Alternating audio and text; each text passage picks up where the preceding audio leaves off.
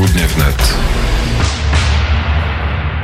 Wracamy do popołudnia wnet 17.17 na zegarach, a przy telefonie profesor Aleksander Bobko, filozof, były rektor Uniwersytetu Rzeszowskiego, ale także były senator Prawa i Sprawiedliwości, były wiceminister nauki i szkolnictwa wyższego. Dzień dobry panie profesorze.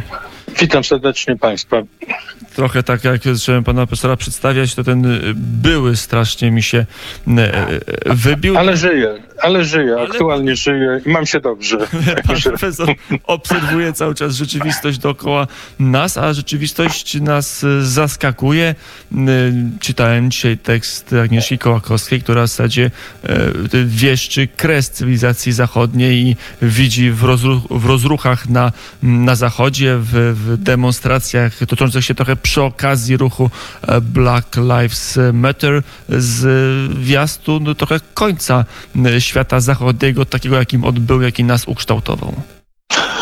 No, nie jest to pierwszy raz y, taka sytuacja, że y, w społeczeństwach, w umysłach ludzi myślących y, pojawia się mm, jakiś, jakiś niepokój o o końcu i historia cywilizacji no także pokazuje naszej innych, że wszystko kiedyś się kończy. Można mieć nadzieję, że, że, że, to jednak nie jest koniec, że warto sobie postawić pytanie może także, co, co, co zrobić, co każdy z nas może przyłożyć do tego, aby nasza cywilizacja która ma ogromny dorobek i ja bardzo, bardzo jestem związany z naszą zachodnioeuropejską, łacińską cywilizacją, co każdy z nas może zrobić, aby na swoją miarę do dobrego trwania w przyszłości tej cywilizacji się, że tak powiem, przyczynić a z drugiej strony w Polsce to nie o kwestię rasizmu idzie, ale o kwestię tolerancji, tak mówią inni, a inni mówią o kwestię wolności słowa i wolności w ocenianiu zjawisk społecznych takimi, jakie nam się wydają. Oczywiście myślę o, mhm. o tym temacie związanym z ideologią LGBT albo jej brakiem, jak pan profesor no- ocenia no, całą tą debatę i polityczną, no, i publiczną. Znaczy to bardziej jest y, taka no, y, polityczna i wyborcza tutaj przepychanka, czy po, z każdej strony, ale symptomatyczne dla, dla naszego czasu, prawda, bo no mamy dzisiaj kłopot niewątpliwie w Polsce, w Europie, w Europie nawet większy może niż w Polsce, z, z wolnością słowa, z rozumieniem słów, z taką kulturą, z kulturą dyskusji, debaty. To znaczy kultura debaty w moim rozumieniu takim tradycyjnym, akademickim polega na tym, że słuchamy tego, co ktoś mówi, nasz y, nawet przeciwnik, czy, czy ktoś, z kim polemizujemy. Staramy się słuchać tego, co on mówi w dobrej wierze, zrozumieć to, co on mówi. Jeżeli nie, nie rozumiemy, to trzeba coś wyjaśnić, prawda? I dochodzimy do, do jakiejś tezy. Możemy się różnić. Natomiast dzisiaj dyskusja wygląda tak, że łapie się jedno czy drugie słowo, najczęściej potem przekręca, y, puszcza w obieg i no i mamy takie, takie przekrzykiwanie. No, trochęśmy już do tego przywykli. To jest niestety jakby normalna struktura dzisiejszej debaty, że się jakby przekrzykujemy, manipulujemy, wyciągamy słowa z kontekstu albo przekręcamy te słowa. I, i ta dyskusja ma no, trochę taki charakter. Być może ma charakter dyskusji o, o słowa i o ich przekręcaniu, ale te słowa, które padają, e, traktują o przyszłości cywilizacji, o kształcie e, społeczeństwa, rodziny, o kierunku, mhm. o jakimś takim, o determinizmie społecznym niemalże, no, tak to trzeba... lewa i prawa strona sporu mhm. ubiera.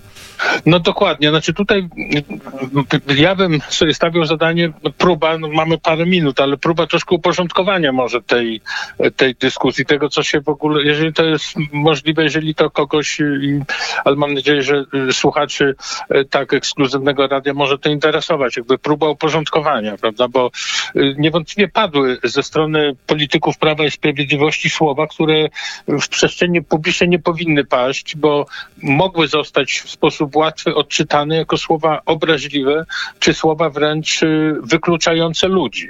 Prawda? Takim nadano im sens i one jakby trochę literalnie tak brzmiały właściwie, jakby, jakby ktoś chciał powiedzieć, że są y, jacyś ludzie drugiej kategorii, prawda? Co oczywiście w dzisiejszym systemie... Cytat z profesora Czarnka, posła Prawa tak, Sprawiedliwości jest tak, na pierwszej linii frontu. Tak, no ja miałem okazję poznać pana profesora i y, nie wyobrażam sobie, żeby taka była jego intencja i żeby taki był y, jakby zamiar y, jego wypowiedzi, aby deprecjonować jakichś konkretnych ludzi, prawda? Natomiast taki sens to nabrało taki sens i, i, i zostało tak mocno i emocjonalnie wypowiedziane, że trudno się dziwić, że, że tak to zostało zrozumiane, więc w tym sensie nie powinny takie słowa paść, ale ale no, trochę spokojniej możemy się, że tak powiem, zastanowić, co, co właściwie zostało powiedziane i co ewentualnie jest, było w tym y, niestosowne, bo y, oczywiście y, Pierwsza rzecz to jest kwestia ideologii ludzi, prawda? Bo mamy słowo LGBT, słowo nowe, takie no, taki neologizm właściwie, który już szedł do obiegu i od kilku lat posługujemy się nim. I teraz y, te, to słowo LGBT z jednej strony oznacza pewną, ja wiem, ideologię, czy pewien, pewien pomysł na życie, prawda, czy, czy pewien zespół wartości także, ale z drugiej strony oznacza także ludzi, którzy identyfikują się jako, jako ludzie, y, no właśnie o innych orientacjach. I właściwie źródłowo to słowo oznaczało grupę ludzi, prawda, nie y, ideologię, tylko grupę ludzi, prawda.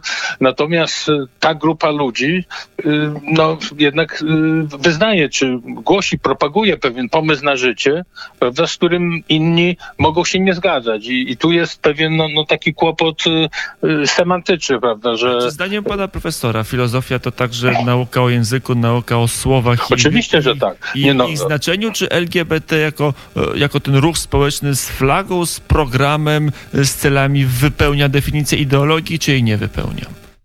Znaczy, y, panie redaktorze, szanowni państwo, w mojej ocenie mamy dzisiaj w przestrzeni y, pewnej debaty w Polsce, w Europie czy w świecie, mamy spór, zresztą to jest naturalne, zawsze tak było, ale dzisiaj ten spór jest y, wyjątkowo żywy, no także dzięki mediom, dzięki temu, że mamy y, możliwości komunikowania się i wyrażania swoich opinii. Niewątpliwie występuje i mamy miejsce z bardzo, z bardzo istotnym sporem we w dzisiejszej kulturze, no choćby sporem dotyczącej ludzkiej seksualności, prawda? z jednej strony, powiedzmy, tradycyjna nauka Kościoła powiada, że seksualność jest y, pewną sferą ludzkiego życia, ale sferą, która związana jest z prokreacją, która realizuje się w tradycyjnie rozumianej rodzinie, przede wszystkim, prawda, w rodzinie y, heteroseksualnej, chociaż y, oczywiście możliwe są także inne orientacje seksualne, ale one są jednak marginalne, nie są równouprawnione w tym sensie, że z punktu widzenia choćby interesu społecznego, no jednak prokreacja i dzieci przychodzą na świat w związkach heteroseksualnych, póki co, prawda, a więc, a więc z jednej strony mamy jakby ideę, czy ideologię, można powiedzieć, tradycyjną, że seksualność jest y, częścią większej całości ludzkiego życia, a z drugiej strony pewno mamy y, taką ideę, czy taką mm, myśl, że seksualność jest wartością samą w sobie, prawda, że celem seksualności jest y, przeżycie przyjemności, rozkoszy, prawda, bez jakichś większych zobowiązań, a prokreacja jest zupełnie czymś innym. To jest zupełnie, zupełnie właściwie od seksualności oddzielona. I y, kolejny element tego, tego sporu to jest to, że jedni twierdzą, że y, oczywiście y, uznanie, godność, szacunek należy się wszystkim ludziom niezależnie od orientacji seksualnej, ale jednak najważniejszą pozycję w pewnym porządku społecznym ma tradycyjnie rozumiana rodzina heteroseksualna. Natomiast druga strona twierdzi, że wszystkie związki są jednakowo ważne jednakowo, jednakowo cenne i właściwie, i właściwie edukacja czy elementem edukacji kierowanej do młodych ludzi powinno być jakieś namawianie do szukania swojej orientacji seksualnej, prawda? I, i, i w tym sensie yy, mamy do czynienia ze sporem ideowym, mamy do czynienia ze sporem, yy, z pewną dyskusją, polemiką dotyczącą tego, jak powinno być wychowywane młode pokolenie i to się po prostu, to się po prostu dzieje. Natomiast no, w mojej ocenie problem polega na tym, że mamy, bardzo trudno jest w sposób cywilizowany i kulturalny o tych sprawach dyskutować, bo... Ale pytanie, y dlaczego tutaj panu profesorowi przerwę przy telefonie profesora Aleksander Bobko, filozof, e, gdzie jest kłopot i która strona, bo łatwo jest powiedzieć, wina jest po obydwu stronach, ale być może ktoś ma rację, że, że gdzieś, gdzieś idzie niebezpieczeństwo e, z której strony sporu. Pan profesor oczywiście się domyśla, że e, mówiący te słowa dziennikarz prowadzący, czyli ja, e, upatruje to niebezpieczeństwo raczej w stronie lewicowej niż w stronie konserwatywnej. Znaczy, moje sympatie są także tutaj po prawej stronie, ale jednak staram się jakby rozumieć też argumenty oponentów. Ich argumenty opierają się przede wszystkim na tym, że y, osoby o innych orientacjach są dyskryminowane czy wręcz prześladowane i w historii naszej cywilizacji rzeczywiście nieraz miało to miejsce, prawda? Takie sytuacje były i ja widzę jako pewną zdobycz cywilizacyjną to, że dzisiaj może każdy y, jakby realizować swój pomysł na życie w sposób no taki, który nie powinien mu zagrażać, nie powinien czuć się wykluczony. Czasami mamy z tym kłopot. Czasami także w Polsce zdarzają się sytuacje, że ktoś y, ucierpi z tego powodu, że, że jest na przykład y, y, homoseksualistą, prawda?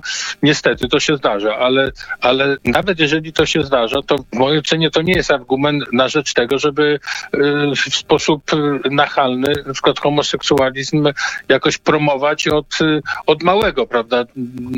Od wychowania przedszkolnego, co na przykład zalecają y, standardy y, Światowej Organizacji Zdrowia. Natomiast y, kłopot, no mamy, mamy dzisiaj kłopot z, z rozmawianiem, no mamy kłopot, kłopot z tym, żeby słuchać argumentów innej strony, żeby, żeby z nimi polemizować, prawda, bo od razu działa język wykluczenia i on działa y, dzisiaj w tym mainstreamie, no niestety ten język wykluczenia w mojej ocenie jest y, silny, jest bardzo silny także ze strony środowisk lewicowych, bo A postawienie... Właśnie, chciałbym do, wtedy jeszcze uniwersytetów w naszej rozmowie przejść i do mhm. doświadczenia jako mm, wiceministra nauki i szkolnictwa wyższego pojawiają się sygnały, że także na polskich uczelniach osoby o mm, światopoglądzie nielewicowym i nieliberalnym mają pod górkę. Chociażby przykład y, doradcy prezydenta mm, pana profesora Zybertowicza, który mhm. mimo całkiem niezłego dorobku ma kłopot, żeby zostać profesorem zwyczajnym mm, i właśnie interpretuje to dlatego, że ma takie, a nie inne poglądy. Jego e, przewód jest blokowany. Mhm. No to jest, y, była no, wyjątkowo nie, niedobra, czy wręcz skandaliczna sytuacja z panem panem profesorem Zybertowiczem, gdzie no z powodów, ale to bardziej już politycznych nawet niż ideologicznych, y, y, tam y, jego, jego przewód został zahamowany. No to się niestety dzieje, ma miejsce i w środowiskach akademickich, nie w świecie, zwłaszcza w Europie, te, ta powiedzmy orientacja lewicowa, nazwijmy to, no, tak dla uproszczenia, prawda, tutaj w tej krótkiej rozmowie, jest, jest orientacją jakoś dominującą. Natomiast Natomiast w Polsce, ja bym powiedział, że w Polsce mimo wszystko i w Polsce y, mimo wszystko jest y, naprawdę nieźle pod tym względem. Jest więcej przestrzeni pewnej swobody, wolności, prawda? Ta, ten, y, jak niektórzy na Zachodzie mówią, to mówią koledzy profesorowie Zachodu, z Niemiec, że pewien terror takiej politycznej poprawności, że pewnych słów nie wolno wypowiedzieć, że pewnych pytań nie wolno zadać. No to kompletnie... Ale to cóż jest dla naukowca bardziej drażliwe, jeżeli nie może pewnych słów albo terminów no, używać. No tak. powinniśmy się do końca cieszyć, że w Polsce jeszcze nie jest aż tak źle. To nie jest już taki, nawet to jest poważny dzwon, który powinien brzmieć na polskim uniwersytecie czy w polskim społeczeństwie. Coś się złego dzieje e, z zachodnią cywilizacją, że nakładamy sami sobie knebel. No, y, to jest bardzo niepokojące. Także wracając do początkowego pana pytania, y, w mojej ocenie na przestrzeni powiedzmy y, no, ostatnich 30 lat, kiedy ja jakoś ogarniam pamięcią także swoją aktywność akademicką, to niewątpliwie przestrzeń dla swobodnej debaty akademickiej, naukowej, czy także publicznej w świecie zachodnim się bardzo skurczyła. To dzisiaj jest, ramy dla dyskusji są dużo dużo, dużo węższe niż były 20-30 lat temu. Polski dotyczy to mimo wszystko w mniejszym stopniu, prawda? To jest trochę paradoks, prawda, że, że my jakby dołączając do, do świata wolności y, europejskiego, dzisiaj mam poczucie y, z tą wolnością słowa i wypowiedzi jest w Polsce lepiej niż y, w krajach Europy Zachodniej czy w Stanach Zjednoczonych, ale, ale trend jest bardzo niepokojący. Trend jest bardzo niepokojący i...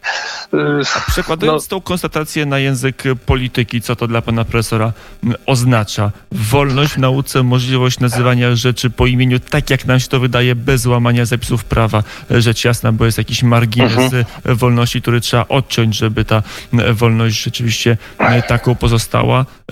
Jak to się kształtuje na, na te proste wybory polityczne? Przekłada się, nie przekłada się?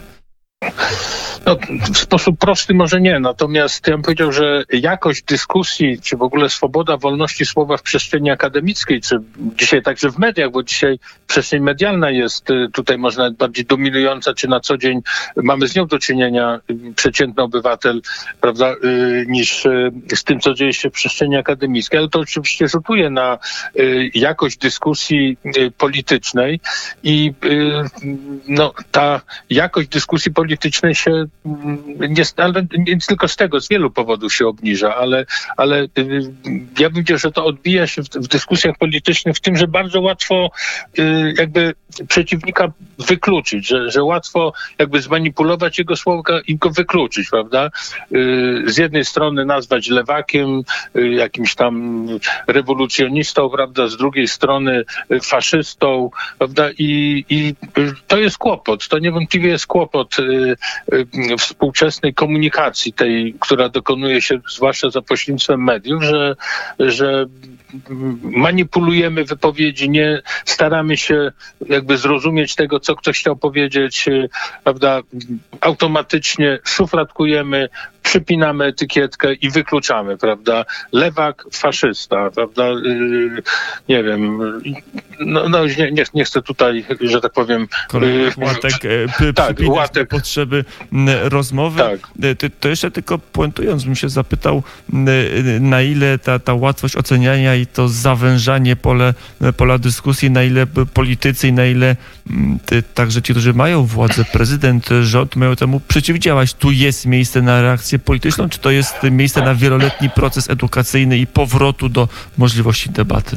Znaczy to jest jedno i drugie, prawda? Niewątpliwie ważne są te długoletnie procesy i edukacja jest tutaj kluczowa, natomiast politycy, dobry przykład polityka może bardzo wiele zdziałać, no, natomiast, y, natomiast no, trudno takie dobre przykłady y, w ostatnich latach i niewątpliwie kampania y, polityczna, kampania prezydencka, która no, przykuwa uwagę ludzi, w tym sensie byłaby dobrym momentem na to, aby, aby poziom debaty podnieść, ale niestety w walce politycznej, często bezwzględnej walce politycznej mamy do czynienia raczej z przykładami, które ten poziom debaty obniżają niż podnoszą do góry.